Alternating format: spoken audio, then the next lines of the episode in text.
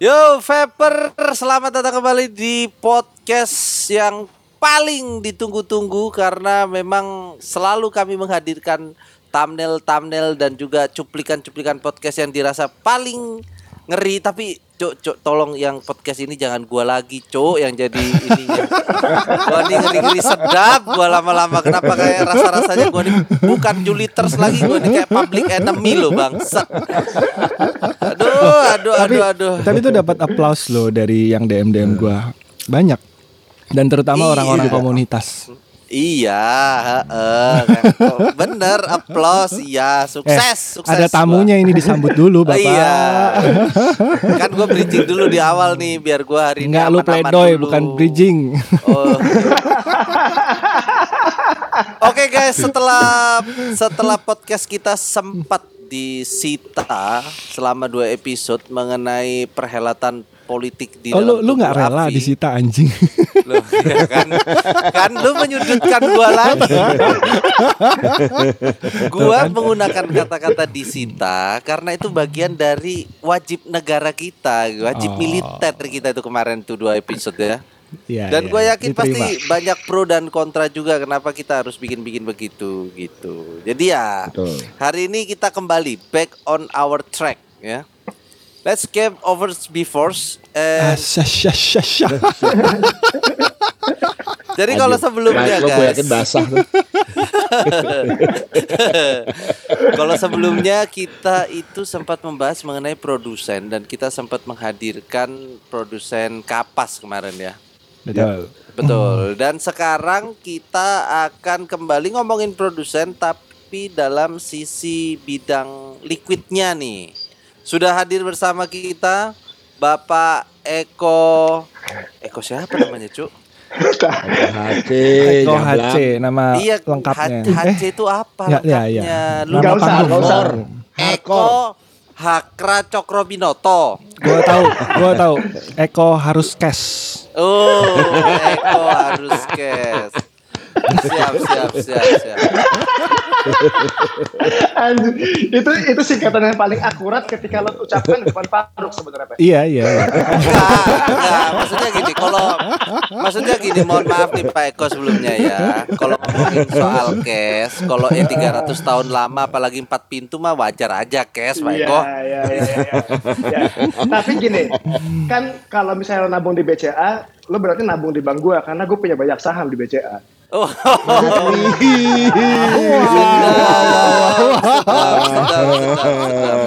boleh lah, boleh lah. Another level ini rianya ini.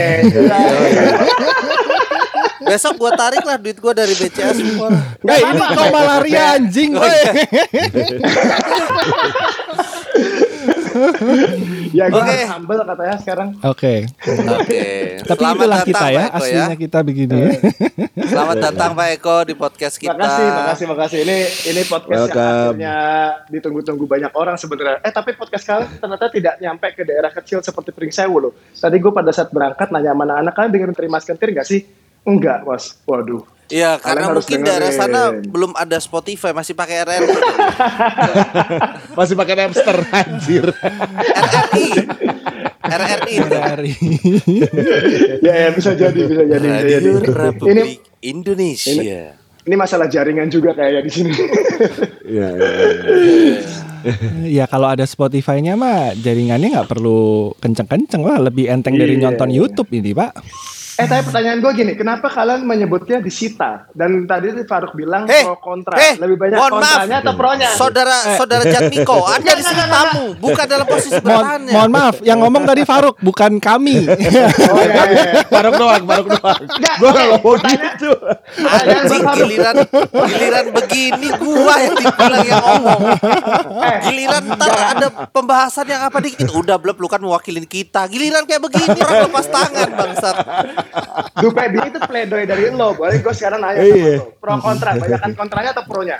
Eh, jadi karena kita bagian dari media dan pers, kita menghargai Banyakan pronya atau kontranya, udah jawab Itu aja. kerahasiaan. itu nggak bisa kita ulas. Ya Kita menghargai betul itu. Dan media harus menghargai kejujuran. Banyak Oh, pro atau kita- kontranya. Kita menghargai kejujuran. Gue gue nunggangin Eko gitu, mau musuhin Faruk tiba-tiba. kita menghargai kejujuran cuman sebelum hasilnya valid kita harus menjaga Oh. supaya tidak menimbulkan eh, persepsi atau apa itulah gitu. Oke, ini berarti sebenarnya udah udah menimbulkan persepsi, berarti hasilnya banyak kontranya. Asli, asli. Gue yakin sih kontranya banyak, tapi nggak berani ngomong, gibah di belakang doang gitu. iya pasti Gibah di belakang doang. Daripada gibah, mbok mending bikin podcast sendiri gitu. Bikin podcast tandingan gitu. iya dong. Ya kan ngapain gibah di belakang ya? beradu dalam podcast kita penting ya Ah, kan udah tuh kalau di YouTube track. perang. Kalau di podcast kan kayaknya seru juga. udah udah udah kita jangan jangan terpengaruh oleh tamu kita nih Lu Dia doang kali yang mencoba mencoba membelokkan arah nih dari pembicaraan Iya, iya, kita iya. Oke, oke, oke. Silakan, silakan. Oke Ayo, silakan. Tadi udah kita rangkum dalam beberapa pertanyaan tentunya dan Opat Dike memilih untuk memberikan pertanyaan pertamanya. Silakan Opat Wah Dike. gila. gue yang pertama. Ada nih, Nggak, ada note-nya. Tadi ada catatannya gitu.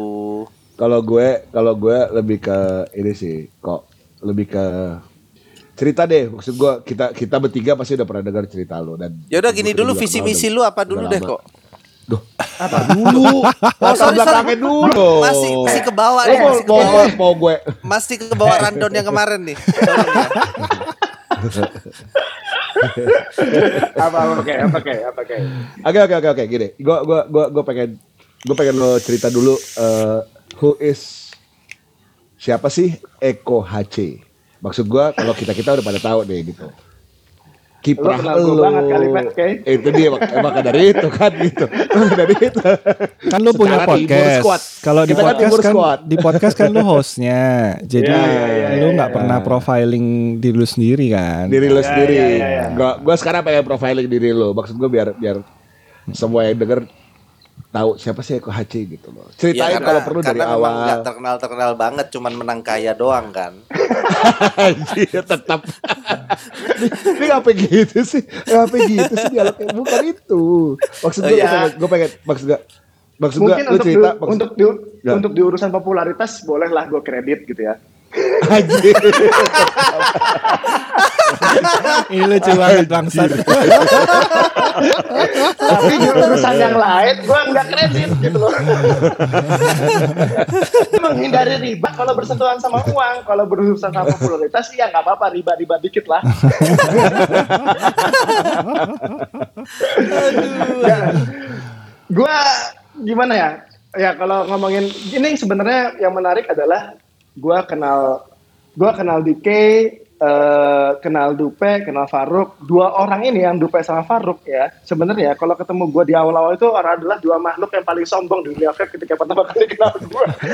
gua gua udah tahu ini pasti dibahas. Gua udah tahu pasti diungkit lagi. Ya kalau gua jawaban gua untuk self defense-nya gampang, ya itulah gunanya popularitas. Anjir Bangke Bangke ya ya. Tapi popularitas Oke. nggak bisa jadi deposito sebenarnya masalahnya. Kalau kalau gua nggak enak ngomong dongak ke eh, apa nunduk ke bawah nggak enak. Kita harusnya iya. ngom- ngomong tuh satu level gitu. Atau gue yang dongak deh nggak apa-apa.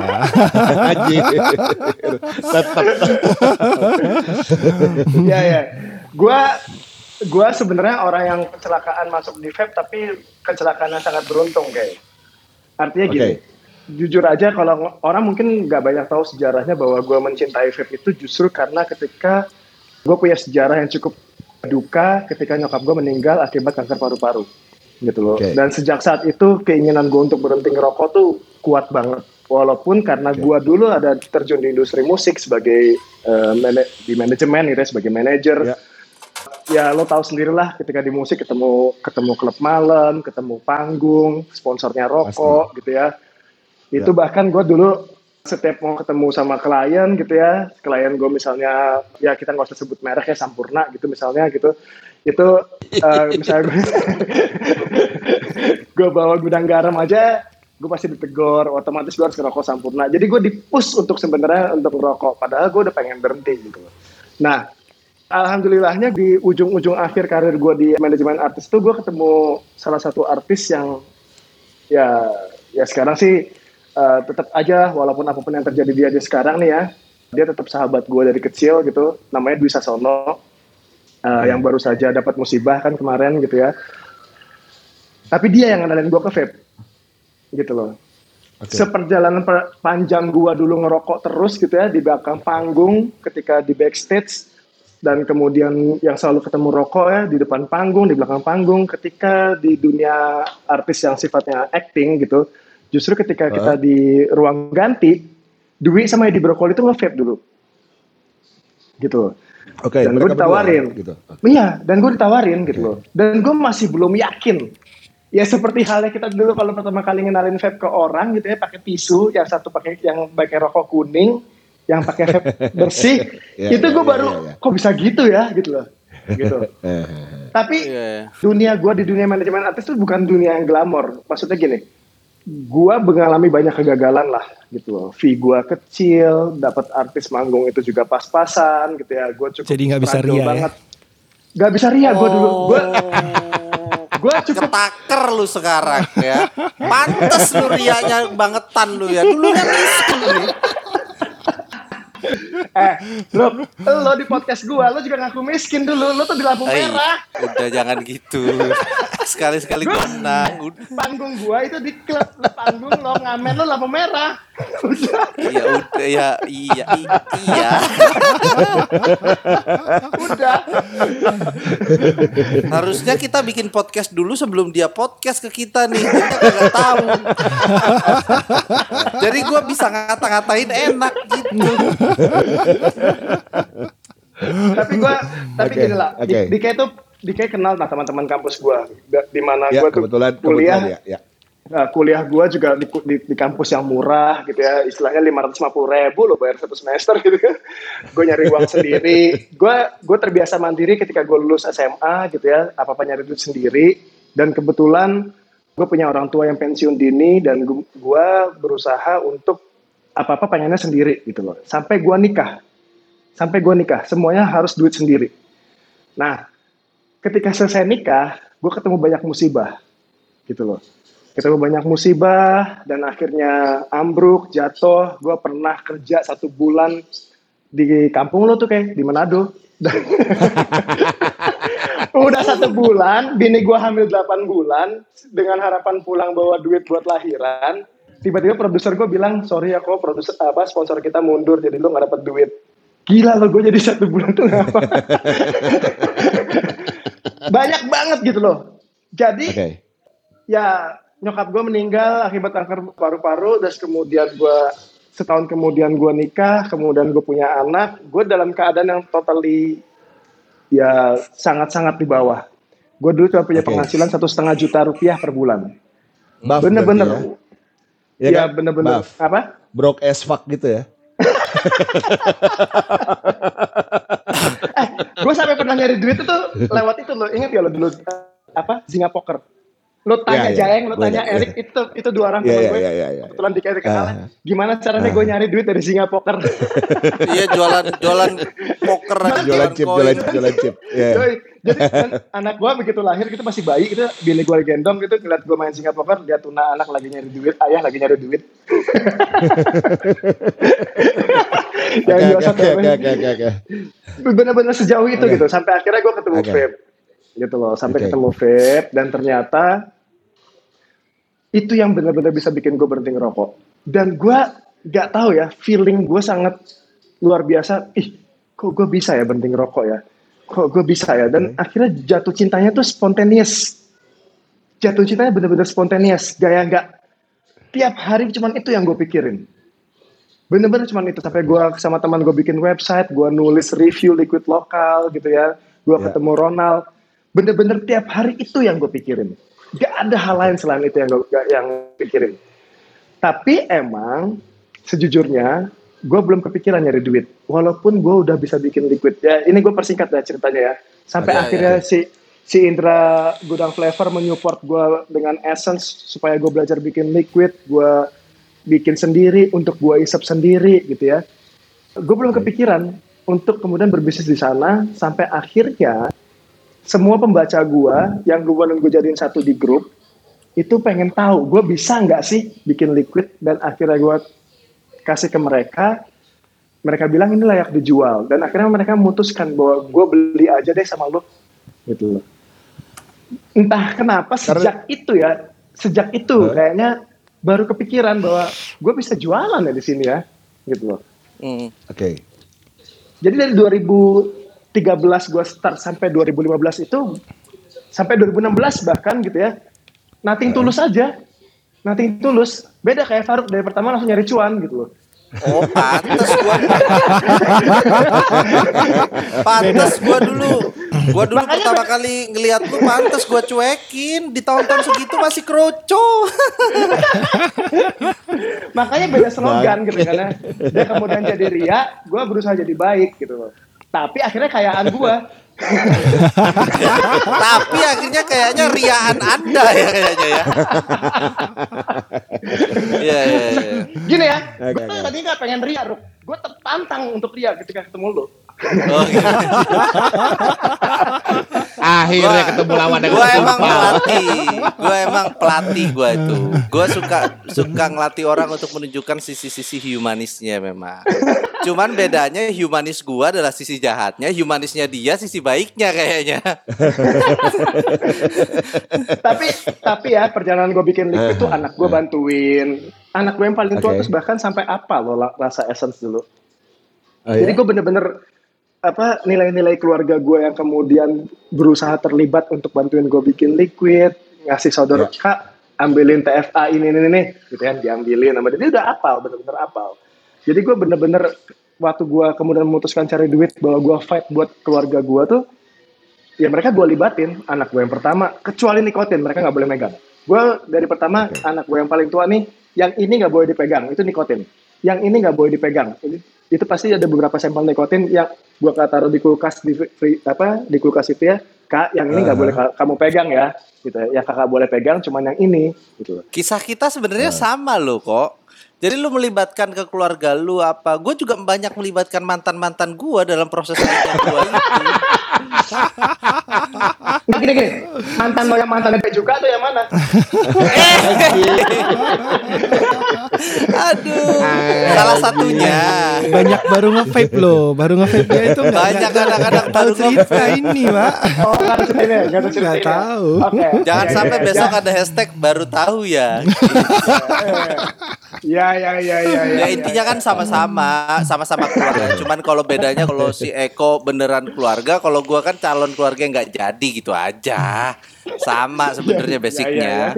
ya ya ya ya Oke, lanjut nih ada yang menarik sebenarnya ketika cerita soal siapa Pak Eko sebelumnya dulu ya.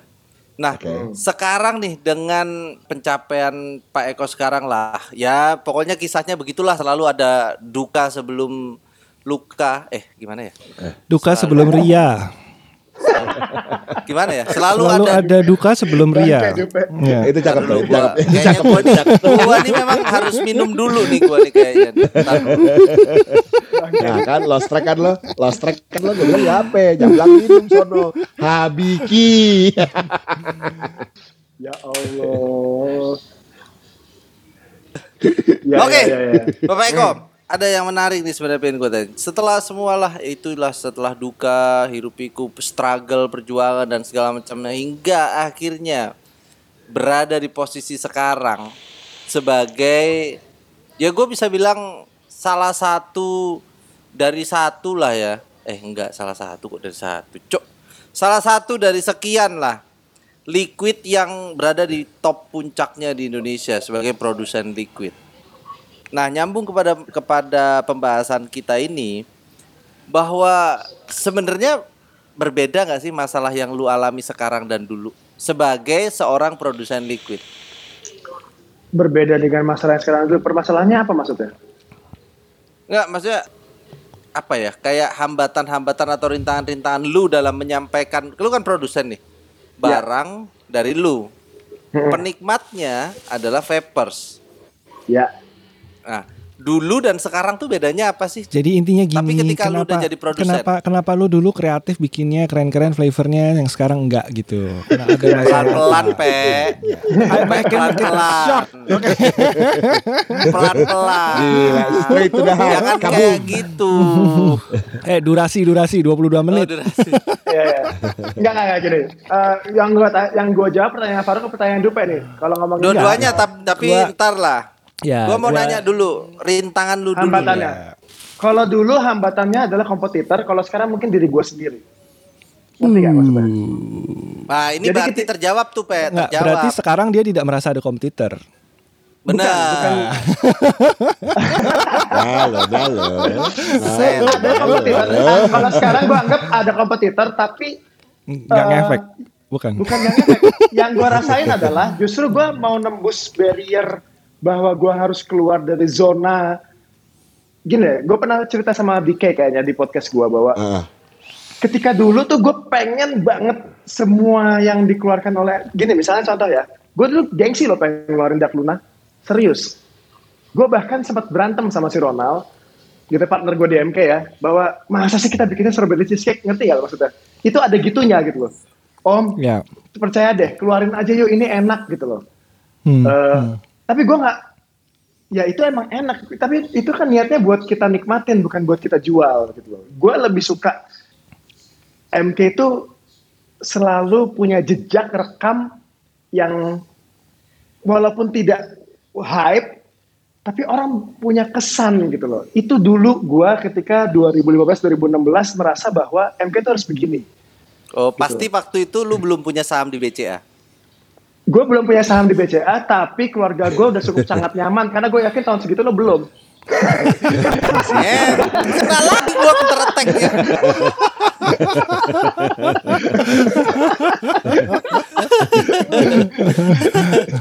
Tapi gini maksud gue adalah gue lagi waktu itu gue seneng banget ketika misalnya keluarin tiramisu strawberry torte. Ada banyak yang gagal gitu ya tapi gagalnya tuh gue seneng.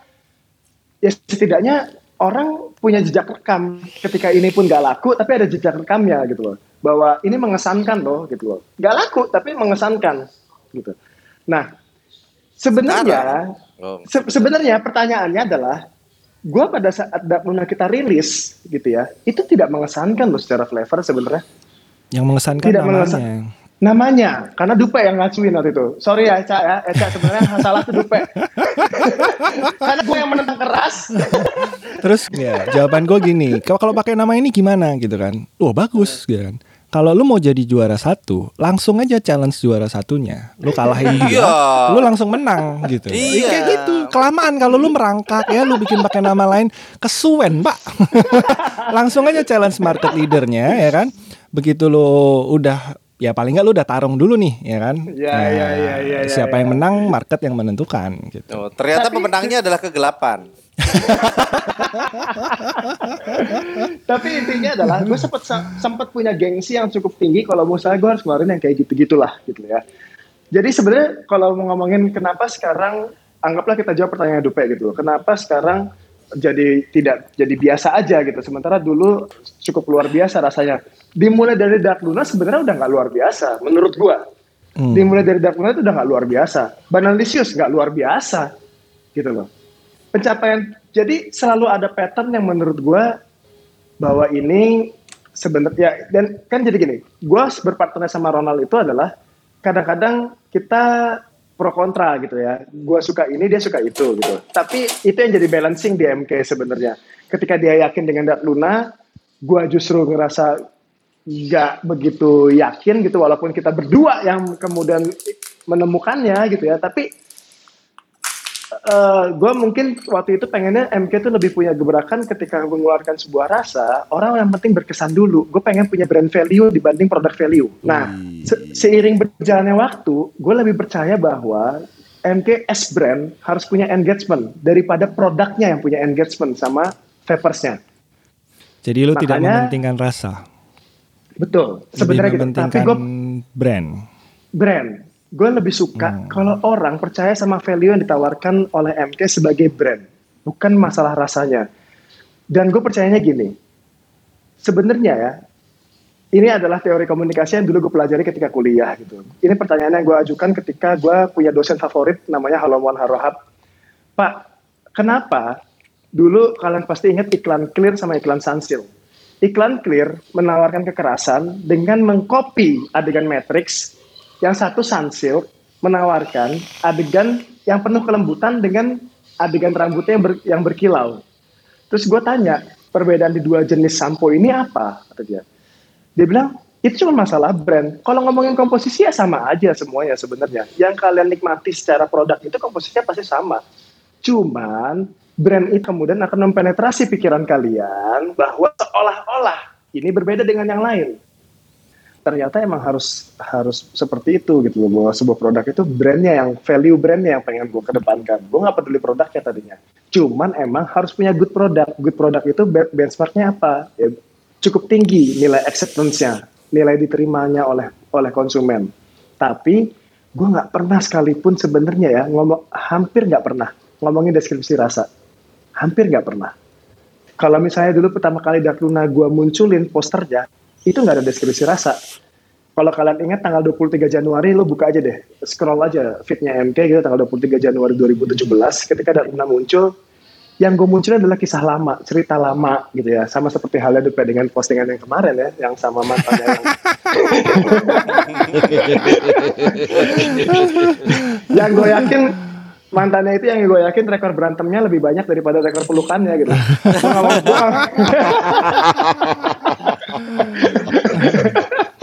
Enggak juga, enggak juga. Yang yang Oh, terakhir iya. ini berantemnya lebih banyak, Pak. Oh iya iya iya. iya. Lu lihat aja sejarahnya sama si Faruk gimana kan? Ya. Cuma copy paste jadinya.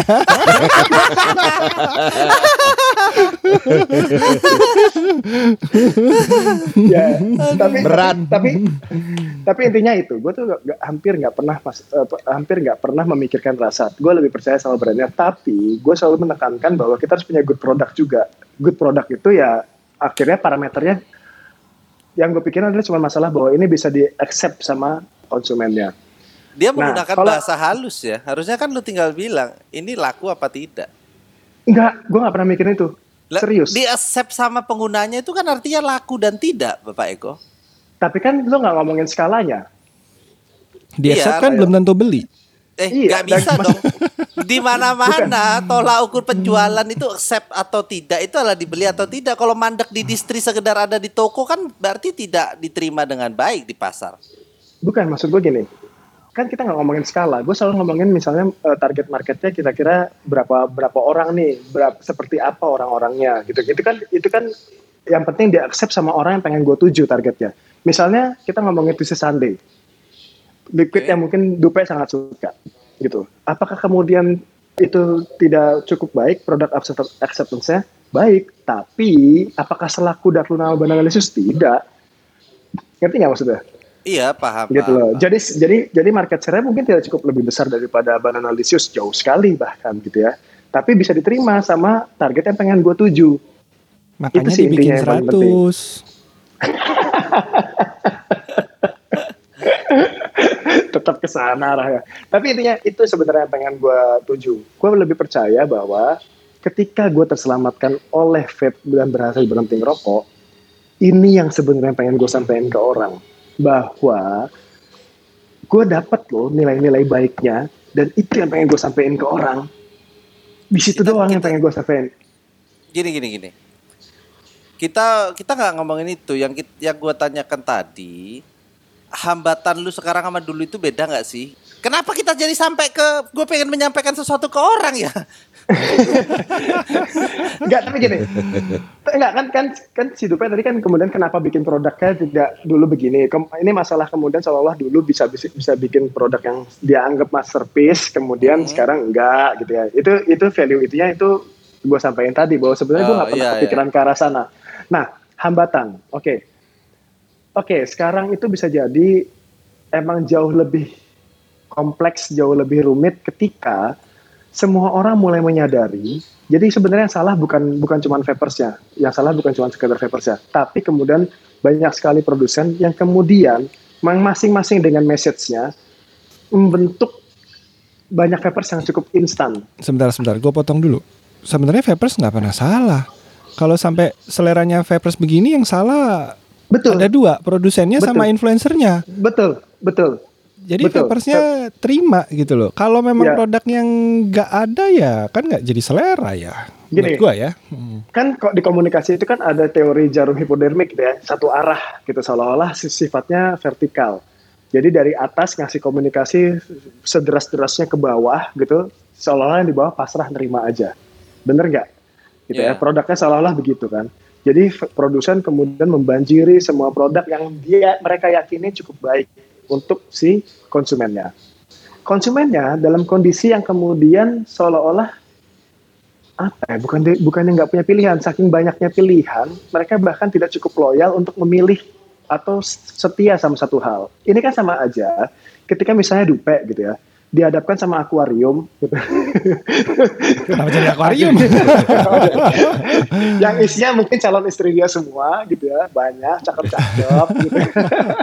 Malam itu. Dan kemudian dia, dia punya kesempatan untuk selama seminggu datanglah ke sana gitu loh. Nggak mungkin dia akan milih yang sama. Iya Dia ingin dong. bertualang, dia kan dia kan ingin bertualang. Oke, Iya. yang satu, dua, tiga, gue pengen cobain semua sampai akhirnya mungkin ketemu satu titik di mana bahwa inilah pilihan gue. Gitu. Dan emang arus informasi sekarang sederas itu. Coba kita tanya sama Faruk, apakah kemudian gitu jumlah view-nya sama tingginya seperti tahun kemarin misalnya gitu? Oke. Atau kemudian karena emang pilihannya semakin banyak dan vapers kemudian pu- punya hak memilih yang kemudian seolah-olah mereka masuk, wih kayak masuk ke mall, semuanya menawarkan produk bagus gitu ya, Uh-uh. produk ba atau sama-sama menawarkan produk yang tidak bagus bahkan gitu. Cuman itu pilihannya sebanyak itu.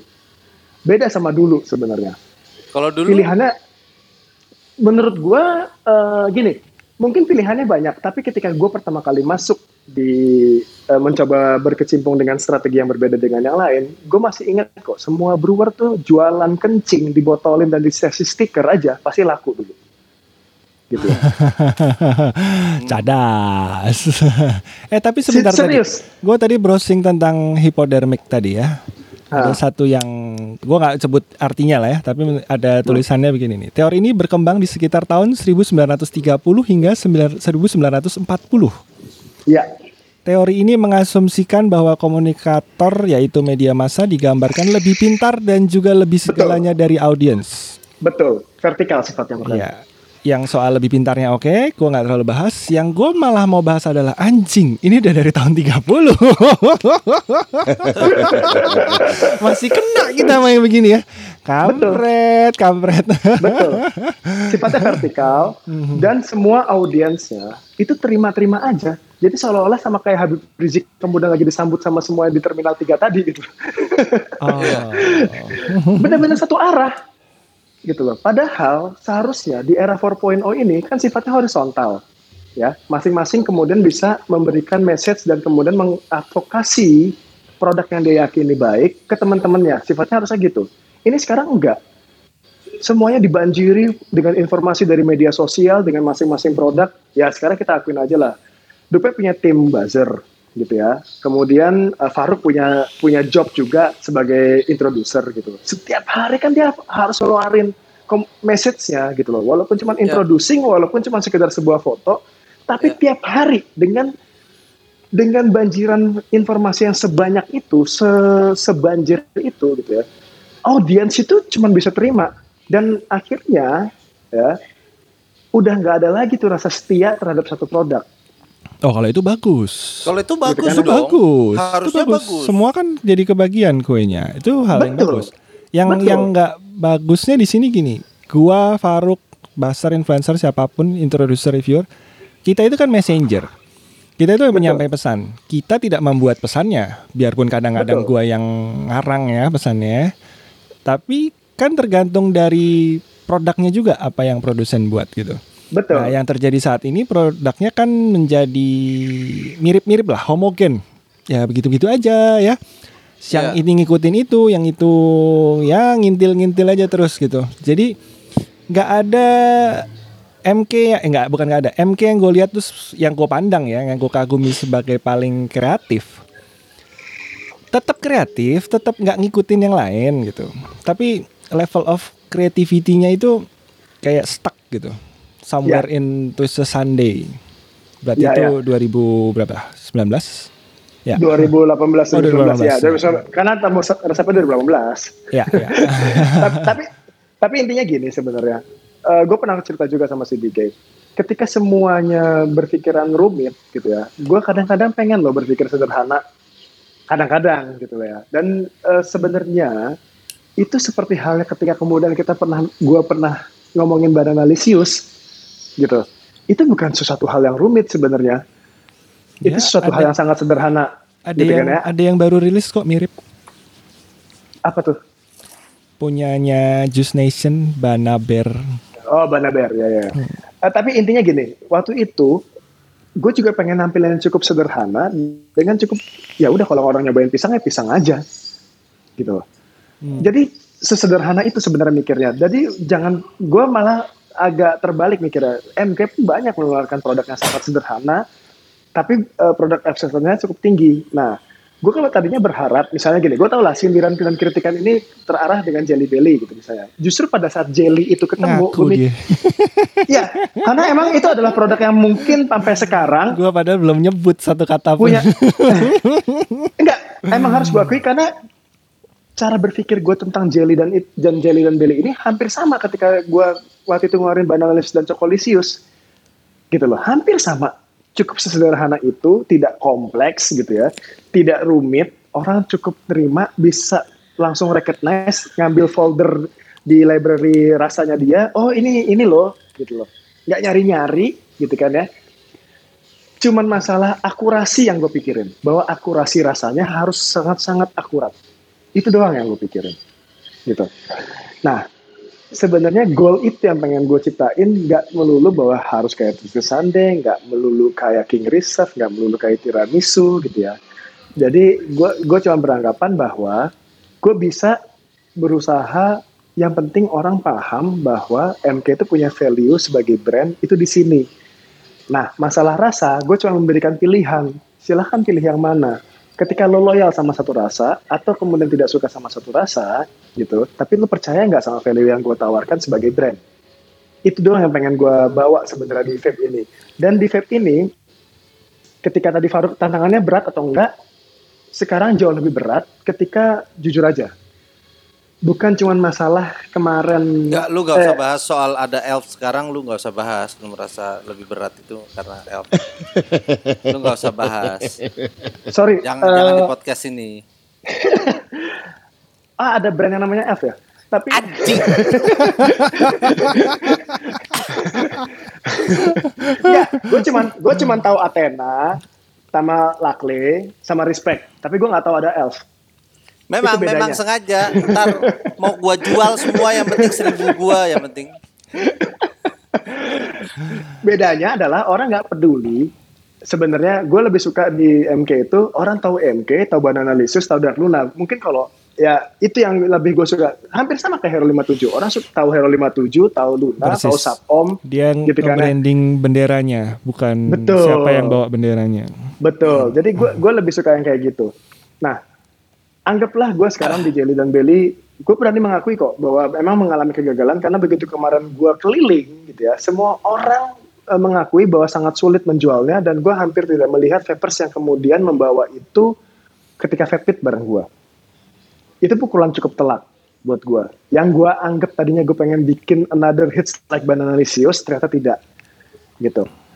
Jadi menurut gua apakah tadi pertanyaan istilahnya kesimpulannya Dupe bahwa seolah MK yang tadinya cukup sangat magnificent dengan rasa-rasanya padahal menurut gua sebenarnya hampir sama loh ketika gua punya fondasi mengeluarkan jelly itu sama aja sama kayak ketika ngeluarin Banana Licious yang penting gampang diterima sama orang. Tapi ternyata gitu ya nggak nyampe ke sana.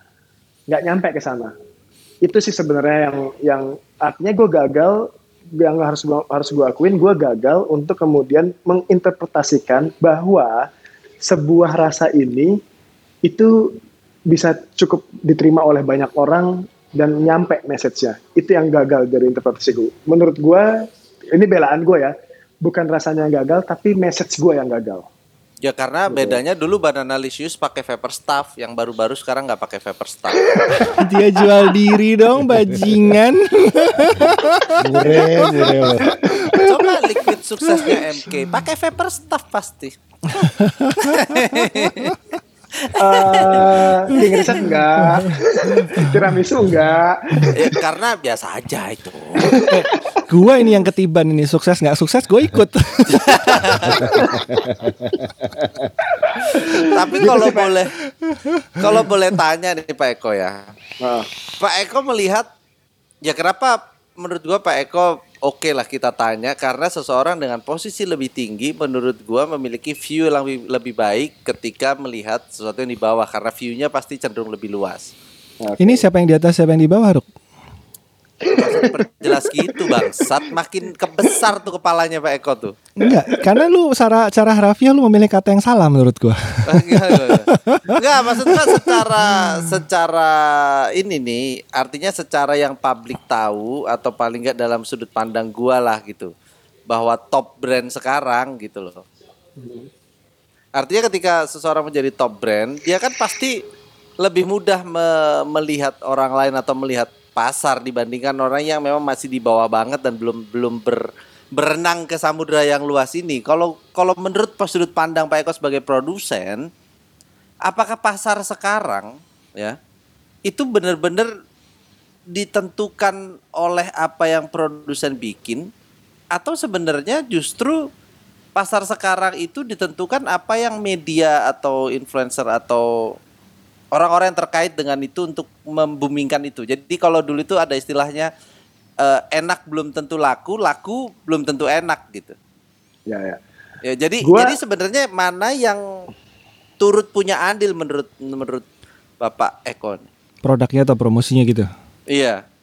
Semua faktor Boleh produknya atau promosinya atau produknya atau distribusinya atau karena ketika lu bahkan promosi nggak bagus tapi ada di setiap toko dan favorista nge-force untuk lu beli kan otomatis hype-hype juga gitu kan. Philip Kotler bilang kan ada 4P. Anjing Gitu kan ya. siapa lagi Philip Kotler? Cuk, cuk susah bener ngomong sama orang kuliah nih. Philip Gitu kan. Kotler nih gua lagi ketik Ada nih ya. ada produk, ada price point, ada placement, ada promotion. Empat-empatnya tuh harus ada. Itu kan udah jelas gitu loh marketing eh, Next bauran podcast pemasaran. kita kan sama Druga, Pak. Bisa nggak sih Mike tuh ngomong nggak usah belibet-belibet gitu ya? Sebenarnya sebenarnya sebenarnya nggak penting sih. Dia mau beli Pakai bahasa Indonesia yang jelas dan Bukan, benar. bisa gitu. go cut. Oh bisa Gua pusing anjir. Gua nggak tahu tuh artinya apa. Kelihatan goblok banget gua nih. Enggak kan teori marketing mixnya kan begitu. Bukan, ini Bahwa sekalian sekalian lu dapat ilmu buat brand lu, Cuk. Jadi lu Iya. telan aja udah. Lu dengerin dulu, oke? Oh iya. Ada produk, Bisa bisa produknya harus ATM baik. nih. Bisa Ah. di ATM nih. Bauran pemasaran kan gitu, ada 4P, ada produk yang baik, ada price positioning yang bagus, ada placement atau distribusi yang baik, ada promotion yang sangat baik. Empat-empatnya tetap harus jalan. Itu marketing mix namanya.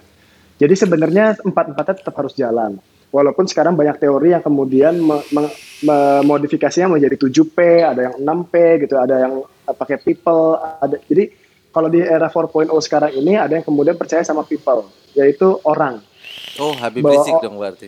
orang itu bisa mengadvokasi soalnya bahwa kemudian pada saat dia suka ingat nggak dulu mungkin oke gue nonton RCTI pertama kali tahun 89 gitu misalnya ya.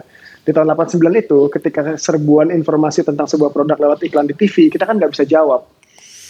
Gitu kan ya. Kalau sekarang gue ngiklan nih lewat Faruk gue ngiklan nih lewat Dupe orang bisa komen. Gitu. Artinya terjadilah sebuah hubungan yang sangat horizontal antara si konsumen sama si produsen atau bahkan influencernya atau ambasadornya gitu ya itu kan terjadi hubungan yang sangat horizontal kalau dulu benar-benar vertikal lo nonton Ya. iklan ya udah terima aja gitu Iya loh benar. lo terima aja gitu sekarang lo nggak bisa ngerespon nah begitu lo suka gitu ya kemudian lo bisa mengadvokasi ke orang-orang sebenarnya jadi semua elemen itu tetap perlu sih sebenarnya menurut gua Tapi Jadi- kalau di vape sekarang nih apa ya? advokasi, dan Advokasi, elemen men. yang karena dia suka dia cerita itu diambil alih oleh pihak buzzer. Betul. Dan nah, makanya ada namanya ada namanya advokasi yang sifatnya organik, ya. Ada yang non organik. Yang non organik itu buzzer, yang organik itu benar-benar pure user. Nah, Gitu. yang organik nih, yang organik nih ada dua nih, yang justru menurut gue yang penting, yang apa ya, komplain lah sifatnya ya, yang Mm-mm. sifatnya harusnya nyampe ke produsennya, Betul. nggak nyampe kalau memang advokasinya tadi dalam bentuk komen di tempatnya paper staff ya, di tempat gue masih Ya, ya, mending-mending ya. lah ya. Tapi kalau tempatnya paper staff itu nggak bakal di reply kayaknya. Gitu. Jadi eh, Anjing. gua selalu bangsat gini. selalu replay dalam bentuk video. Bangsat nggak Oh. pernah gua tulis, tapi di video selanjutnya selalu gua bahas tuh orang-orang komen. Makanya gue sebenarnya staff tidak pernah membalas komen tapi selalu baca satu persatu. makanya gue lebih percaya dupe. Kenapa? Gue lebih percaya quality daripada quantity. Buat apa subscriber banyak-banyak? Buat apa subscriber banyak-banyak gitu ya? Kalau kemudian emang akhirnya kualitinya kurang gitu. Mendingan gue sih ya, tapi gue bisa amati, bisa gue cermati gitu kan. Anda Ketika- melupakan people power Anda ini. Anda melupakan black campaign yang lagi heboh-heboh loh Anda ini. tapi tapi tapi sesuai sama apa yang tadi gue omongin bahwa emang bahwa semua elemen itu harus ada. Dan yang paling penting emang sebenarnya gini gue suka lah misalnya bahwa seolah-olah sekarang kalian berusaha meng-create smart vapers gitu ya. Tetap perlu emang akhirnya. Kenapa? Karena kami itu produsen juga perlu sebuah benchmark ketika kami kemudian di istilahnya dihujat kayak kemudian dikritik di review dengan sangat buruk sebenarnya itu yang kita butuhin. Kan sekarang hampir banyak influencer buzzer atau introducer gitu ya atau reviewer hampir gue anggap 99% nggak berani mengkritik gitu Oh, gua enggak gua, gua kritik gua. kenapa Gua kritik. kan 90 kan 99% persen Enggak, enggak, enggak. Oh, Si iya, Faruk nih ada tapinya. Dia mengkritik. Iya. Tapi kalau jelek nggak ditayangin. ah, Cok, nanti gua kena undang-undang UTE. Contohnya ITE. adalah contohnya ada video yang lu buat sama gua itu. kita tetap perlu itu bro. Biar gimana pun juga ya. Justru kalau kemudian akhirnya gue harus membaca komen satu persatu gitu ya. Sebenarnya gue lebih senang membaca komen daripada membaca postingan kalian atau caption kalian. Lebih senang baca komennya. Kenapa? Itu hubungan horizontal antara si konsumen sama gue kalau gue akhirnya ngerasa Jelly Belly gagal gitu misalnya gue bisa lihat dari kritikan-kritikan orang-orang yang kemudian komen di tempat kalian. Dan gue cukup senang lebih senang begitu daripada gue kemudian dibuai dengan kalimat manis kalian gitu ya kemudian akhirnya gue tutup gitu. Nggak gue amati sama sekali nggak gue baca gitu. Mendingan gue lihat komen kalian komen yang ada di feed kalian atau komen yang ada di postingan kalian. Buat gue itu ya sebenarnya hubungan horizontal antara si Vapor sama gue gitu. Atau ketika gue berkunjung ke kota-kota walaupun mungkin ya banyak yang sungkan untuk mengkritik. Tapi kayak kemarin misalnya gue di kota Gisting kau sorry kecamatan Gisting. Itu kabupatennya Tanggamus namanya di Lampung ada yang berani ngomong, Mas bisa nggak sih Burjo itu terlalu kemanisan loh sebenarnya gitu loh.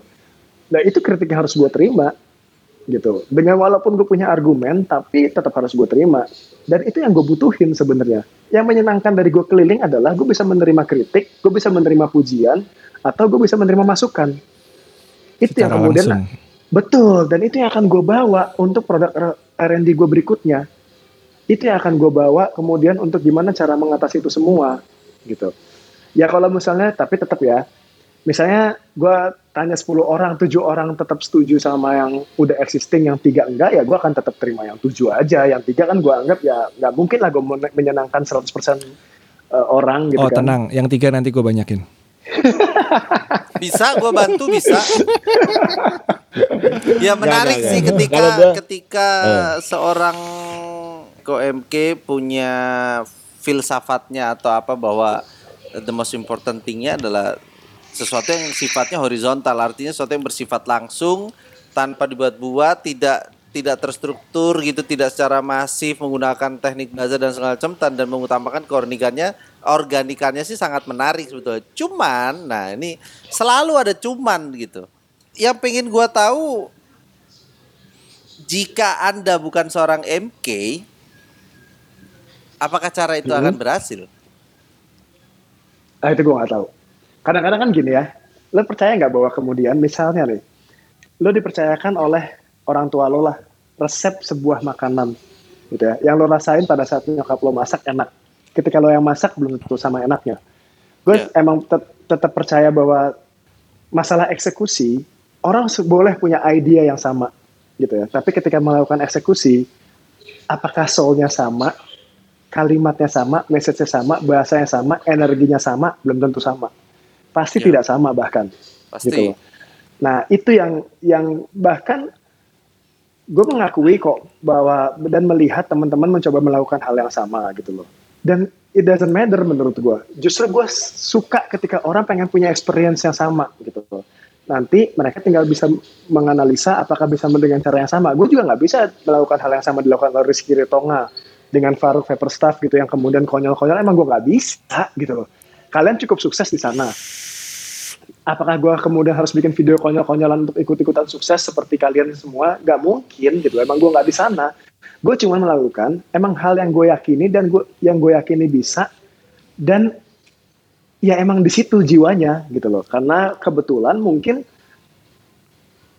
apa ya nilai-nilai emosional yang gue bawa ketika gue pertama kali nge itu yang terus menerus gue harus sodorin ke orang. Dan Hmm. itu yang emang yang emang bisanya gue di situ.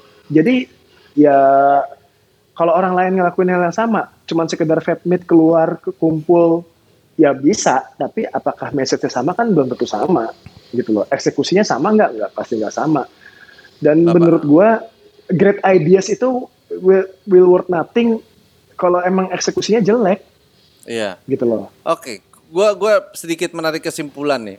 Bapak Eko, bukan kesimpulan sih, pertanyaan balik, tapi gua udah menyimpulkan bahwa Bapak Eko, selama perjalanan Anda pernah nggak sih pasar yang melit Anda atau Anda yang doing something dan pasar yang menentukan nanti whatever, tapi pa- pernah nggak sih pasar terus kemudian menentukan jalan Anda, Eh, menentukan jalan kemudian MK? Merespon Misalnya- request gitu ya Iya, misalnya pasar nih begini gini gini. Ya udahlah akhirnya lu lu oh oke gue ikut pasar, gue ikut ini, gue ikut ini. Pernah nggak sih? Pernah nggak sih ada momen seperti itu dalam MK? Hmm, pasti pernah. Iya. Menurut gue pasti pernah.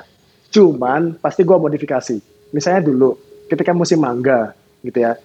Pertama kalinya mangganya MK itu bukan mango pea sebenarnya. Go karen, Dupe pasti tahu lah. Mang- mango black karen gitu kan ya. Mencoba menggabungkan antara dua liquid yang pernah hype di zaman dulu yaitu black currant pernah hype juga. Habis itu gue digabungin sama mango gitu kan ya mencoba merespon tapi dengan modifikasi gitu atau Mango Pea yang kemudian kemarin misalnya salah satu brand yang paling kuat misalnya Mango Lacy atau Cloud Niners atau Mango Khalifa gitu ya gue modifikasi gitu terus kemudian gue rasa karena gue melihat banyak pecintanya dan gue rasa ada pecintanya yang juga merasa belum klik sama produk yang existing. Dan pasti tetap ada gitu. Kayak misalnya merespon munculnya Dark Luna lah gitu kan. Kan sebenarnya gue nggak pengen gitu. Tapi gue harus ya dalam artian kepentingan kepentingan bahwa MK sebagai perusahaan yang memikirkan bahwa ini bisnis juga tetap harus ada tapi yang paling penting makanya tadi itu bahwa kemudian gimana caranya bisnisnya itu bisa gue gue jadiin bukan sebagai umbrella message-nya bukan sebagai payung besar dari pesan-pesannya gitu loh, tapi sebagai turunan pesannya. Kalaupun gue ngikutin pasar, orang nggak ngelihat bahwa gue ngikut apa, nggak melihat dari produknya, tapi ngeliatin dari pesan utamanya gitu. loh.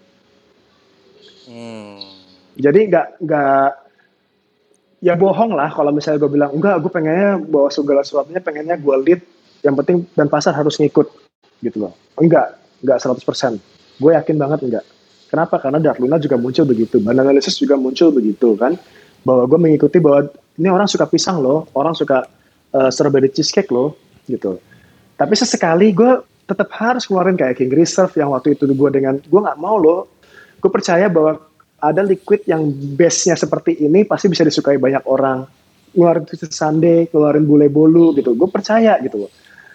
Nah, jadi tetap harus balance sih menurut gua. Tapi yang paling penting adalah ketika lo ngeluarin sesuatu, orang percaya sama karakternya gitu bahwa ketika MK yang ngeluarin strawberry cheesecake pasti ada karakternya. Ketika ngeluarin pisang pasti ada karakternya. Gue lebih percaya itu. Gitu. Itu yang paling ada, penting ada, menurut gue. ada kok guys di Elf ada strawberry, strawberry ada di Nutella guys.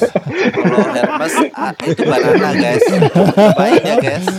Guys, cobain guys dari ya dari ratusan ribu botol coba cobain lah guys. Gini nih kalau- ribu gitu Kalau guys kompetitor di podcasin bareng gini jadinya. ya.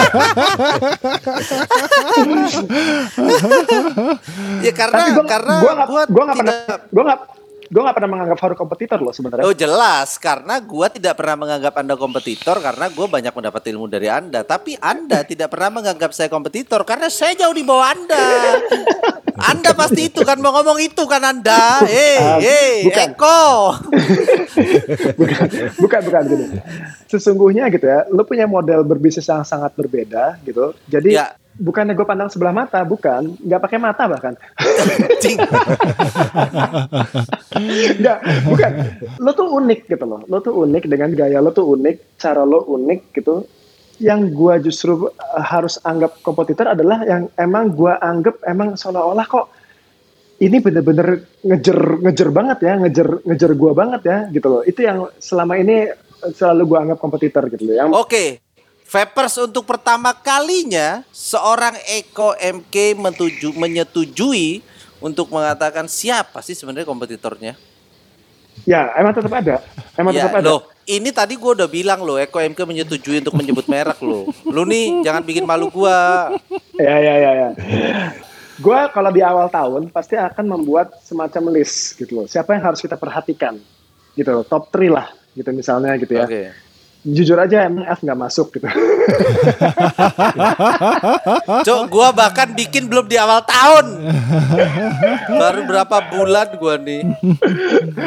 Enggak lalu udah Cepet, cepet, setahun cepet, kali. cepet. Lo Orang biar orang eh. biar biar tahu dulu nih siapa sih yang menurut MK itu kompetitor gitu. Nah, di tahun 2020 ini yang gua anggap yang harus pengen gue perhatikan banget sejak langkahnya dan geraknya harus gue sangat perhatikan tuh TNT nomor satu. Oke.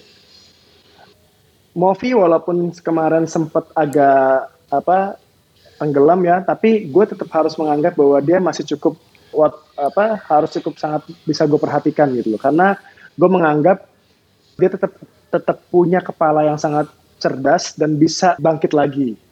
Nah, tadinya tuh Jadi ada sekarang tidur? juga. Enggak, kemarin-kemarin tidur ya. Oh, Kalau kemarin, sekarang gua ngelihat geliatnya Movi juga sebagai seorang produsen sih lagi keren ya. Lagi bagus, lagi bagus Lagi gitu bagus. loh. Gue selalu Oke. menganggap sebentar Movi bagus itu selalu bagusnya punya. bagusnya pakai apa ya? Sebentar, Mama. Hah? Gua, karena gue nggak melihat bagusnya bangunnya movie sekarang. Bukan. Lu unfollow sih akunnya. Semua juga gua unfollow kali. Lu orang semua gua unfollow. Tapi kalian semua follow saya kan? eh, Gua tidak selalu- loh. Hah? Gua enggak loh, gua ngikutin lu. Follower follower following gua cuma 6 loh. Iya anjing lu dikit lagi dia. Nggak, nggak, nggak, bentar, bentar. Movie apa? Movie bangkit oke apa sekarang coba? Gue nggak ngeliat Misalnya kebangkitannya apa sih? Misalnya seperti ide-ide dia. Idenya gue inget apa? banget, gue Oh, inget banget ketengan. dulu, dulu Movi itu ketika mengeluarkan ide itu kayak bersinggungan banget dengan vapers atau masalah yang terjadi sekarang. Iya. Nah, terus sempat hilang tuh dari dari diri Movi nih, dari diri Om Dimas nih sempat hilang nih. Nah sekarang akhirnya dia kembali menggunakan senjata yang dulu sempat kayaknya membuat Movi itu karakternya memang di situ tuh, yaitu membuat produk, listening, and understanding gitu. Ya. Untuk Bapak Dimas Movi kalau mau pakai saya sebagai promotion bisa ya, karena gue udah bikin ini barusan listening and understanding ya. Kalau mau pakai jasa saya untuk branding juga boleh. Gue lebih tepatnya kepada eksekusinya sih. Karena Movi itu sempat punya ideas yang cukup great, tapi eksekusinya sangat berantakan. Gitu. Oke. Tapi kemudian di tahun 2020 ini tiba-tiba seolah-olah Dimas kayak turun gunung lagi dan mau melakukan eksekusi dengan cukup rajin dan rapih. Karena ideas kan tadi gue selalu bilang ya, gue selalu percaya sama ideasnya orang boleh deh sangat luar biasa gitu loh. Tapi eksekusinya eksekusinya gimana nih gitu loh.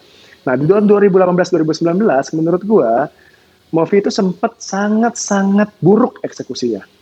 Oh, Sangat gua buruk. tahu tuh soalnya nggak dipegang Dimas tuh di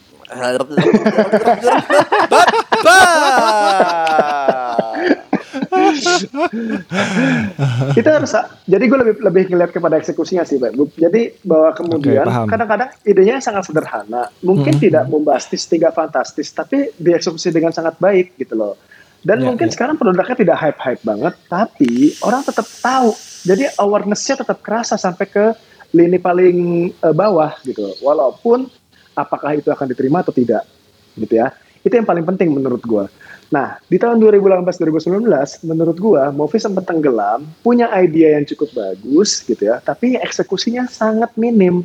Jadi, orang seperti tidak merasakan bahwa Movi melakukan gerakan apa pun. Itu yang menurut gua perbedaannya ketika 2020, gua tiba-tiba sangat meyakini kayaknya nih orang akan melakukan sebuah eksek- banyak eksekusi gitu loh. Dan itu emang kejadian di sekarang. Nah, selain TNT sama Movi, gue mau memasukkan satu lagi itu tadinya Juice Nation. Gitu. Gue justru tadinya tidak memasukkan Steam Queen. Tadinya tidak memasukkan Steam Queen. Hmm, hmm. Tadinya tidak.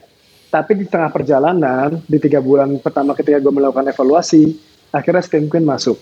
Gitu. Sebagai tapi gimana ya? Gue menganggap kompetitor ini selalu adalah bagian dari yang pengen gue pelajari. Gitu. Gue nggak apa-apa kalau misalnya tahun ini ternyata MK tidak on top gitu ya. Tapi gue bisa pelajari sehingga nanti kan ini bukan sebuah pertarungan yang, ya apakah industri ini harus berjalan satu tahun atau dua tahun ini Iya, aja iya, kan iya. enggak. Ini kan panjang gitu loh.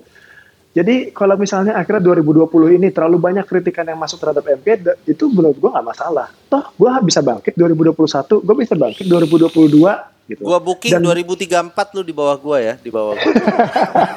2034. 2034. Ya tapi tapi 2035-nya gue di atas lagi. setahun aja lah cukup lah. Gua- gua- 2034 jauh bener gua nih.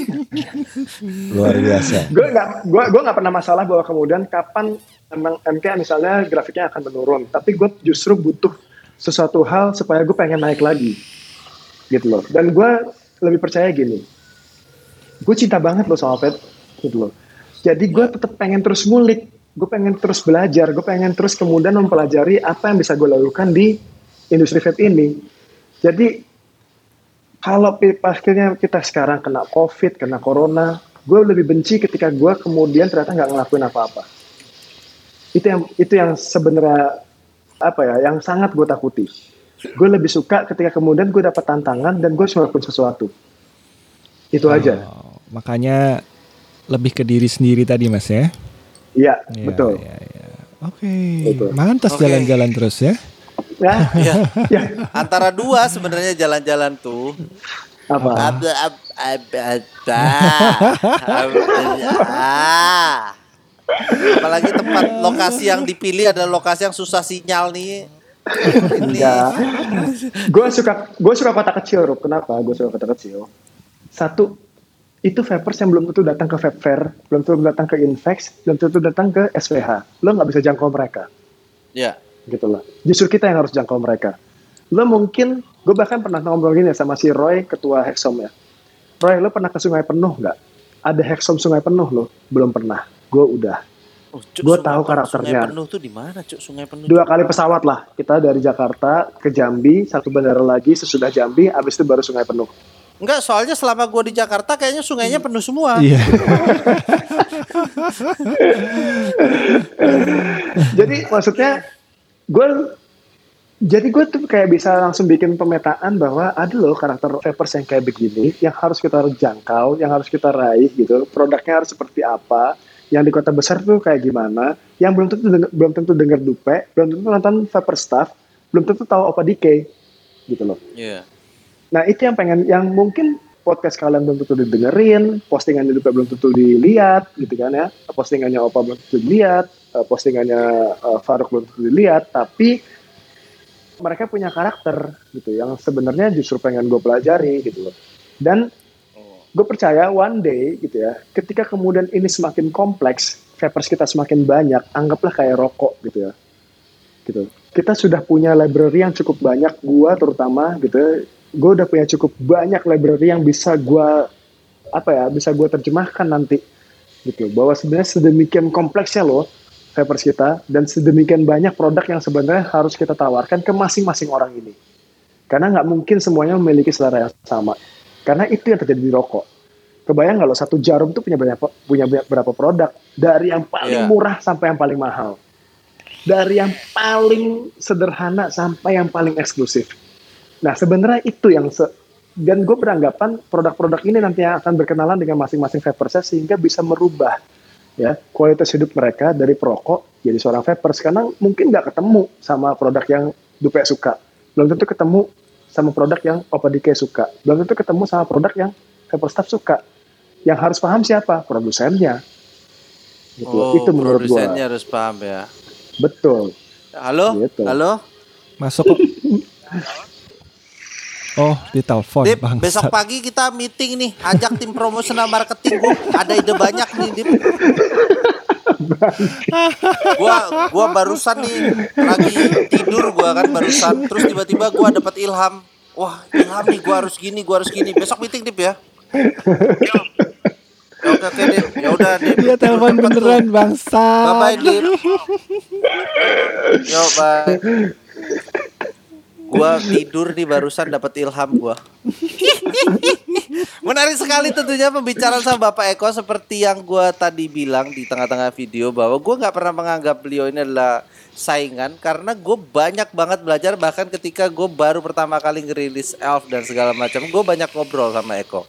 Bagaimana caranya ini bagaimana caranya ini. Nah the problem is masalah utamanya adalah di industri ini apakah semua orang seperti gua pak mau Maksudnya? belajar mau apa gitu mau bertanya nggak menganggap kompetitor masalahnya kan sekarang ini lagi Oh. banyak gandrung-gandrungnya orang yang kayaknya oh itu oh bikin Ya. ini nih oh itu bikin ini nah pandangan anda terhadap orang-orang yang suka membuat versi V2-nya atau versi apanya gitu ya dari sebuah yang sudah otentik gitu gimana yang seperti lo banyak serius Mm-mm. belajar dapat hasilnya kemudian ria banyak banget. Gue akan menyoroti satu produsen yang lagi naik daun sekarang. IDJ Agung tuh Agung tuh gue deket lah sama Agung IDJ ya. Heeh. gue pernah menegur dia satu satu dalam satu kesempatan. Gung lo tuh pernah jadi market leader dengan apa Capcorn lo dulu. Gitu kan. Tapi kemudian lo lupa bahwa lo tetap harus memaintain diri lo sendiri bahkan dan produk lo dan brand lo ya untuk terus berkembang. Tapi kemudian lo lupa lo sibuk dengan hasilnya gitu ya. Dan te- ya foya-foya lah ya party ya itu ini itulah. Ya kemudian lo diajak juga partinya gitu kan. Alhamdulillah. Kecipratan ya kita ya. Alhamdulillah lah namanya rezeki anak soleh. Gue banyak sekali yang kayak gitu gitu. Itu sebenarnya banyak gitu. Di tahun terpuruknya mereka mereka kemudian berusaha bangkit gitu ya nah sekarang ujiannya adalah ketika kemudian menemukan titik berhasil apakah mereka akan lupa lagi itu ya urusan mereka masing-masing ya kemudian ini yang kemudian sebenarnya harusnya banyak perjalanan kisah mereka yang harus jadi tetap jadi pelajaran juga buat mereka bukan cuma dari hasil tukar pikiran dengan gua atau dengan teman-teman yang lain gitu tapi harusnya perjalanan hidup mereka jadi jadi pelajaran juga buat mereka. Kenapa? Industri ini kita yang megang kok, gitu loh sebagai produsen. Kita yang nentuin kok arahnya, bawa akan ke mana, gitu loh. Kalau misalnya kemudian kita berhenti dan puas di satu titik, menurut gua ya di situ juga akhirnya kita tinggal menunggu grafik turunnya. Karena lo udah selesai, nganggap perjalanannya udah selesai. Tapi kalau lo menganggap bahwa ini adalah perjalanan yang baru dimulai, dan kemudian tetap terus melakukan sesuatu hal yang baru, mempelajari kegagalan-kegagalan lo, mempelajari kesalahan lo, bahkan mempelajari keberhasilan lo, untuk kemudian lebih tinggi lagi, dan ngejar sesuatu hal yang sebenarnya jauh lebih tinggi lagi, ini yang menurut gue harusnya kita lakukan oleh banyak produsen gitu loh. Kalau masalah mengklon rasa dan mengklon flavor gitu ya, gua menyikapinya gini. Jujur aja, Odd Drips itu supplier essence-nya pernah menawarkan gua untuk bikin. Bahkan dikirim sampel ke gua dengan tulisan Odd Drips V1, Odd Drips V2. American Breakfast V1, American Breakfast V2. Iya. Dikirim ke gua. Jangankan lu Pak Eko yang memang brand brewer, gua Iya. yang tukang foto dikirimin kok. Betul kan? Se- secara bisnis, etika secara bisnis, etika bisnis sekarang gini, itu kan sama aja ya. Lo lo pengen suci nih, pengen kemudian bersih gitu ya. Tapi setannya godain mulu gitu. Nah, jadi menurut gua etika bisnis di industri vape ini itu bukan cuma sekedar dikendalikan oleh si produsennya, tapi si supplier raw materialnya gitu loh. Nah, gimana caranya mengendalikan ini? Yang sadar adalah ketika misalnya produsen making hits gitu ya, harusnya dia bisa kontrol nih suppliernya. Bisa nggak sih dibikinin kontrak bahwa ini nggak boleh dijual ke yang lain? Bahwa ini adalah eksklusif milik gua. Itu kan etika, itu kan bisnis yang sebenarnya harusnya terjadi gitu loh. Misalnya ada satu perusahaan rokok yang gue dengar gitu ya dari supplier essence ya terbesar di Indonesia lah gitu. Dia bilang bahwa supplier produsen rokok itu rata-rata menggunakan essence bahkan hampir 50 jenis essence untuk supaya tidak bisa dikopi dan meloknya menguncinya gitu loh. Kenapa? Supaya mereka punya identitas bahwa kemudian produk gue ini nggak bakal bisa ditiru sama yang lain. Produsen yang nentuin gitu. Nah kayaknya Nah, sih DKI, DKI pernah punya omongan tentang ini nih. Create Nah, your own cream gitu kalau nggak salah. Betul. Loh, Nah, itu, itu tapi emang- bukan cu- tapi bukan cuma sekedar resepnya maksud gua adalah legalnya juga harus diurus gitu kan ya ini masalah hukumnya juga harus diikat ketika lo kemudian misalnya gua gitu terus Sunday. Begitu kemudian gue pengen custom gitu ya. Ini pengen gue custom tapi please gue pengen ada hitam di atas putih bahwa yang ini khusus buat gua gitu. Itu bisa gitu loh. Cuman mau atau enggak masalahnya pebisnis kita atau ya kita lah sebagai produsen itu kan masih ini kan industri yang masih sangat muda. Belum bahkan belum belum mau menyentuh ke ranah sana bahwa sebenarnya resep itu harus dilindungi gitu. Harus adanya harus ada kayak semacam hak ciptanya karena menurut gua kalau itu bahwa kita tidak berusaha melindungi produk kita sendiri ya dengan sangat mudah orang mengkopinya jadi yang salah bukan orang yang mengkopi juga apakah kita sebagai produsen punya tatanan manajemen yang cukup baik untuk melindungi apa yang sudah kita buat, apa yang sudah kita create. Kan istilahnya kalau dulu Bang Napi bilang ya, kejahatan kan bukan cuma karena sekedar ya, tapi kan karena ada kesempatannya kan. Kalau kita menciptakan kesempatan buat orang lain untuk mengkopinya, ya jangan salahin orang lain untuk mengkopinya dan itu tidak ada salah berdasarkan hukum loh. Kalau kita ngomongin bahwa kemudian amati tiru dan modifikasi, Bill Gates pun melakukan itu, Steve Jobs pun melakukan itu. Kan gitu sebenarnya. Gitu kan? Setuju. Ta- Nah, tapi kan kemudian Pinterest Steve Jobs di mana? Setiap produk yang mau dia keluarkan dipatenin. Gitu loh. Harus ada ikatan hukumnya sehingga ketika Samsung kemudian melakukan interface yang hampir sama bisa dituntut sama dia. Walaupun dikirim pakai duit koinan ya hasil tuntutannya dia gitu. Tapi kan intinya adalah ya maksud ya, tapi kan intinya adalah lo juga sebagai produsen harus melindungi produk lo sendiri. Kalau lo nggak kemudian ber- nggak berusaha untuk melirik ke arah sana, bahwa lo nggak berusaha melindungi produk lo, ya jangan salahin orang jadi maling.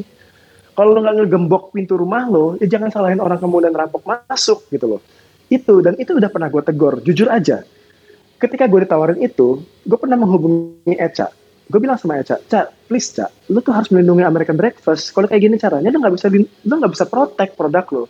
Gue ngomong sama teman-teman yang lain juga dengan hal yang sama gitu loh. Karena ini nggak ada ranah hukum yang melindungi. Terus mau gimana? Hak cipta itu kalau kemudian tidak ada ranah yang melindunginya, ya wajar jadi maling. Wajar kemudian orang mengcopy. Baik, baik, baik. Nanti bakalan saya sampaikan kepada teman-teman di baru- gue juga baru mau ngomong arahnya ke sana. Oke, Pak, terakhir nih. Pendapat lu Waduh, gak enak tapi ya. nggak apa-apa. Kalau lo nggak enak, gue punya gue enak semua kok. Cek gitu. Kalau punya Pendapat enak, lu. punya gue enak. Karena ini ini ini gua nggak ngajak ngomongin julitin orang enggak ya.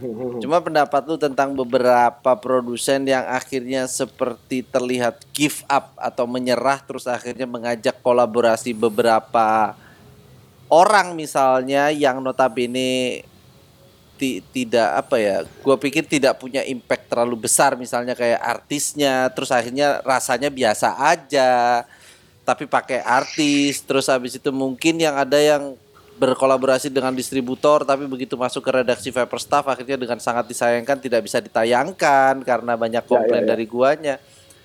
Menurut lu pandangan lu menanggapi hal-hal yang lagi marak banget beberapa bulan terakhir ini itu gimana? Gini, banyak produsen kita, gue lagi mengamati akhir-akhir ini yang kemudian melakukan kolaborasi dengan artis-artis di luar vape kan, maksud lo gitu kan? Ya bis, dia di luar vape terus habis itu atau dia mau paling paling bypass deh. Ya udahlah artis yang ada di dalam vape lah murah meriah gua pakai. Tapi ternyata ya yang dia jual itu beneran orangnya gitu, bukan flavor, bukan apa atau buntu-buntuan nih. Ya udah gua pakai sama distributor inilah. Tapi begitu gua ngerasain loh kok lebih lebih lebih tidak enak gitu. Padahal lu bareng Ya. sama distributor, lu cuman ngepush apa ya? Ibarat kata ngepush mencoba mencoba ngepush hype-nya dan penjualannya gitu. Pandangan lu gimana? Ya, jadi gini, ini emang bisnis yang belum mature lah. Karena apa? Karena emang jujur aja godaan uangnya terlalu tinggi di industri ini ya. Marginnya besar dan segala macam. Ini ini sindiran buat semuanya sebenarnya. Gue pernah ngobrol Eh, gini. Sebentar gua ini dulu ya, gua disclaimer dulu bahwa gua cuman pemancing guys. Apa pun omongan Pak Eko selanjutnya tidak terkait. thank you, thank you buat teman-teman Lo enggak, enggak. atau Harus artis ah, yang lain. Enggak dong, semuanya harus ngaku, harus ngakuin gitu loh. Bahwa sebenarnya emang ini bisnis yang sangat menggoda, uh, perputaran uangnya cukup cepat gitu loh. Dengan keuntungan yang sangat baik gitu. Itu itu sama-sama harus kita enggak. Nah itu kan makanya jangan kredit terus gitu. Nah, cuma gini maksud maksud gue gini, ketika bisnis ini tidak mature karena semuanya serba instan gitu, menurut gue ini sang, ini adalah salah satu bagian dari proses yang kemudian menuju pendewasaan nanti.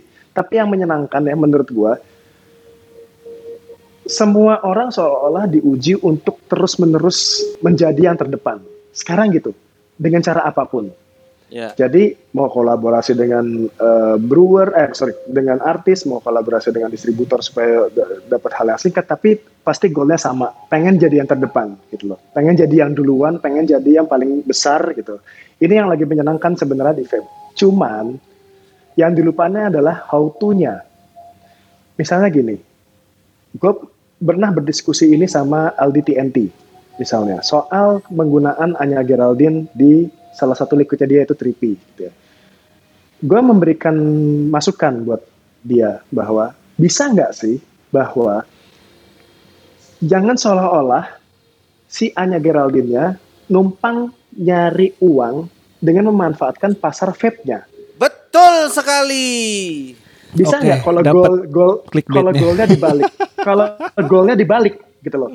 Kalau golnya dibalik bahwa kita yang pengen memperkenalkan ini ke pasar lo sebagai seorang Anya Geraldine. Mau nggak lo sebagai seorang Anya Geraldine fight untuk kita? Lo Nah, dapat bukannya uang bukannya dari- harusnya tujuannya begitu ya merang Iya. market yang adanya adalah di Iya, mereka itu- yang udah nggak bisa yang- dijangkau sama Betul. influencer vape, pasar Ah. vape, distributor dan siapa pun gitu loh. Betul. Nah, how to-nya gimana gitu loh. Jadi pada saat melakukan kerjasama bukan cuma masalah dihitung share lo berapa, share keuntungan, tapi share kerjanya bagaimana. Itu yang banyak kadang-kadang terlupakan. Share kerjanya tuh gak detail bahwa kemudian lo misalnya berapa lama lo akan ngelakuin ini. Karena gini ya, jujur aja, dulu gue pernah eh, memanajerin Marcel sebagai drummer ya, tapi ya, bukan sebagai dia sebagai penyanyi. Eh, manajer dia sebagai penyanyi itu Wulur namanya. Nah, Marcel tiba-tiba dikontrak oleh satu salah satu provider. Nilai kontraknya gas, ya nggak cukup fantastis, tapi Marcel dapat kewajiban. List kewajibannya gue baca, gue ikut baca waktu itu. Gue baca cukup ih, detail banget bahwa Marcel harus ngapain aja, setiap bulannya ngapain aja, visitnya ngapain aja. Itu dilakukan oleh perusahaan yang sangat mapan. Nah kita kok sok-sokan banget gitu. Udah industrinya masih kecil, pengen ngasih duit ke artis, tapi nggak pengen mereka punya kewajiban yang padahal Nah. uangnya kita yang ngasih. Nah, Itu maksud gue yang yang how to-nya yang salah. Nah, bener. ju- jujur aja gue kemarin dapat tawaran dari salah satu youtuber untuk kolaborasi. Gue bilang gue harus ketemu orangnya, personalitinya masuk gak sama MK dan dia mau nggak ngelakuin kewajiban yang pengen gue tawarkan. Gua bisa kerja gua. Gua masuk, gua bisa kerja gua. Sorry, subscribernya 12 kali lipat dari lo. Jadi Anjing. jadi gini maksud gue. Biar gimana pun juga gitu loh. Ini kan kerjasama, berarti ada dua pihak yang harus bekerja. Kerja sama Ya. gitu loh. Bukan bukan bukan untung satu pihak, untung dua pihak atau untung ya itu yang yang yang yang sangat gue sayangkan gitu loh. Bukan keuntungan yang sama, bukan kerja sama. Kerja dulu yang sama, equal. Hasilnya baru kita bagi dua. Itu menurut gue yang paling ideal. Nah, ketika kemudian industri ini sebenarnya sangat dilirik kok. Kenapa? Karena potensinya sangat besar. Gue waktu itu pernah ikut bisnis scam ya. Pak Budi Isman salah satu mantan CEO Coca-Cola ngomong kok sama gue, sama Wilco juga waktu itu. Gila loh, market potensi kalian tuh sangat luar biasa gitu loh. Sangat besar sekali gitu loh. Dan itu value kita. Kenapa kita tidak cukup percaya diri untuk menawarkan kita ke orang bahwa kita punya punya potensi yang sangat besar. Mau nggak lo percaya dan believe untuk kemudian ngelakuin kerjasama ini, lo kerja, gue kerja. One day kita akan petik hasilnya bareng. Nah itu yang gue sayangin nggak pernah terjadi di kerjasama-kerjasama para produsen ke teman-teman yang non vapers atau artis. Itu sebenarnya yang gue sayangkan. Belum Dan masalahnya, nah Belum. masalahnya kan sekarang udah menjamur nih ya, gitu loh. Ini akan sangat sulit nih kalau misalnya gue besok ya, gue tawarin mereka, ah gak sih, kayaknya kalau di produsen yang lain gampang, ini kan rese. Iya, menjadi tipikal. Iya, iya, Iya. iya, iya. Jadi menjadi Harusnya template kita- yang terlalu easy gitu ya. Iya. Itu dia maksudnya. Tapi ingat ya, bahkan dulu kita pernah mulainya juga sangat semudah itu. Kalian mungkin ingat gitu, ketika kemudian beberapa teman-teman produsen menciptakan artisnya juga sangat mudah ditawarin per botol berapa sekian. Gitu. Akhirnya banyak muncul star syndrome ya yang ya Anjing kalian kenapa gue waktu dulu dibikin liquid nggak ditawari per botol sekian ya?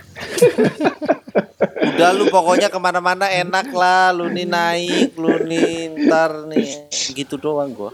tapi tapi tapi itu udah jadi habit kita dan menurut gue itu harus dirubah. Ketika lo pengen menjadi makin besar, harusnya semuanya harus dikalkulasikan dengan sangat baik gitu loh. Percaya deh sama bahwa ini adalah industri yang sebenarnya potensinya sangat besar sekali dan itu yang harus kita yakinin ke orang gitu loh.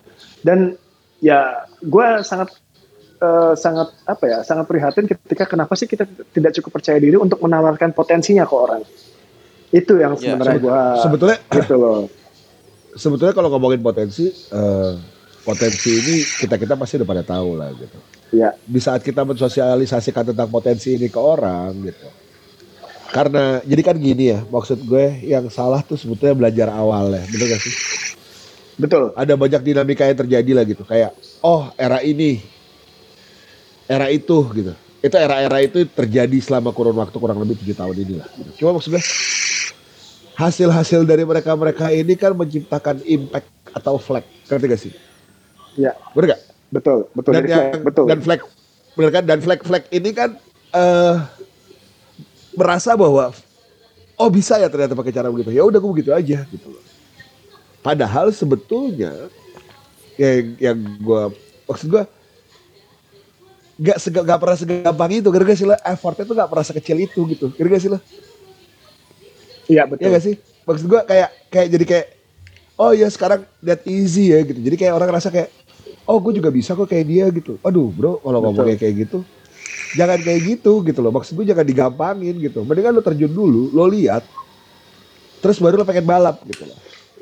Ya, Bener gak ya, sih? ya, ya. Selalu kan orang Betul, mikirnya kayak kayak mau lo di sisi dari dari sisi mana aja misalnya gitu. Lo mau lihat dari sisi mana aja deh. Semua tuh ngerasa kayak wah vape ini gampang nih. Gitu loh. Tapi kan Nah, itu, yang itu. gue sayangin gitu lah. Itu yang gue sayangin gitu maksud gue. Betul. Kayak semua jadi kesannya ngegampangin gitu. Oh kalau Ya, pakai betul, begini betul. pasti berhasil. Berhasil dari sisi mana gitu? Uh, achievementnya ya, ya. apa gitu? Sehingga sehingga kata itu berhasil gitu. apa? Gitu loh.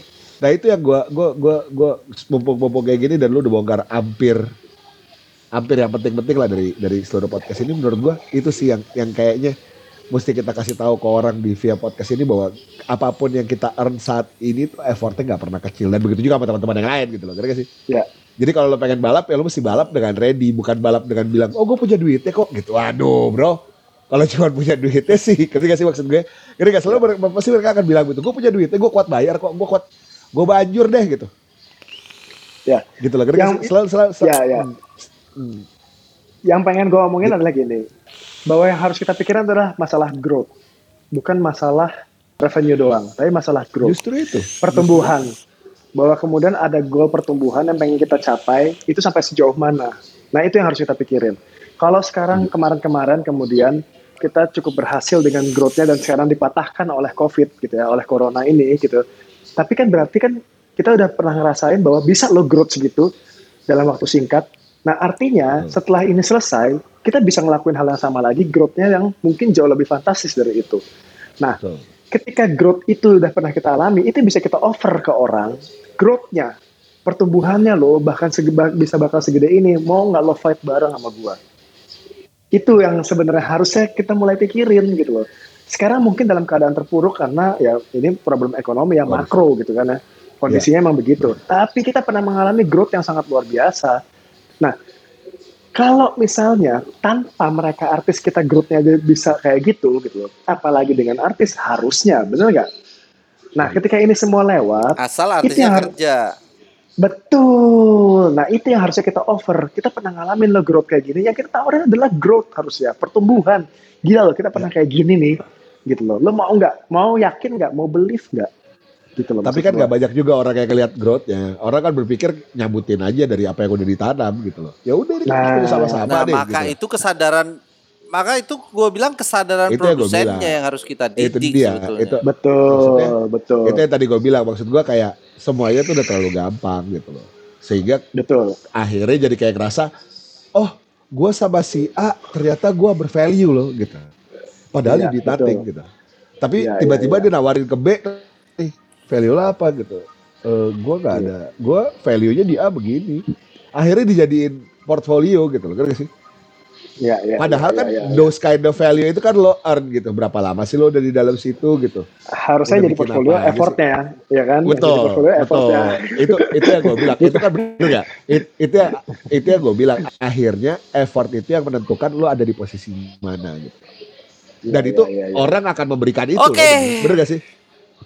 Nice, benar sekali. Ya, oke deh gitu. Gue langsung kita oke deh gitu. Kata gua memang Eh. adalah yang terpenting gua udah nangkep nih dapatnya dari Opa Dike sebagai sebagai konten penutupnya adalah the most important thing in this industry because we we, we not mature yet, right?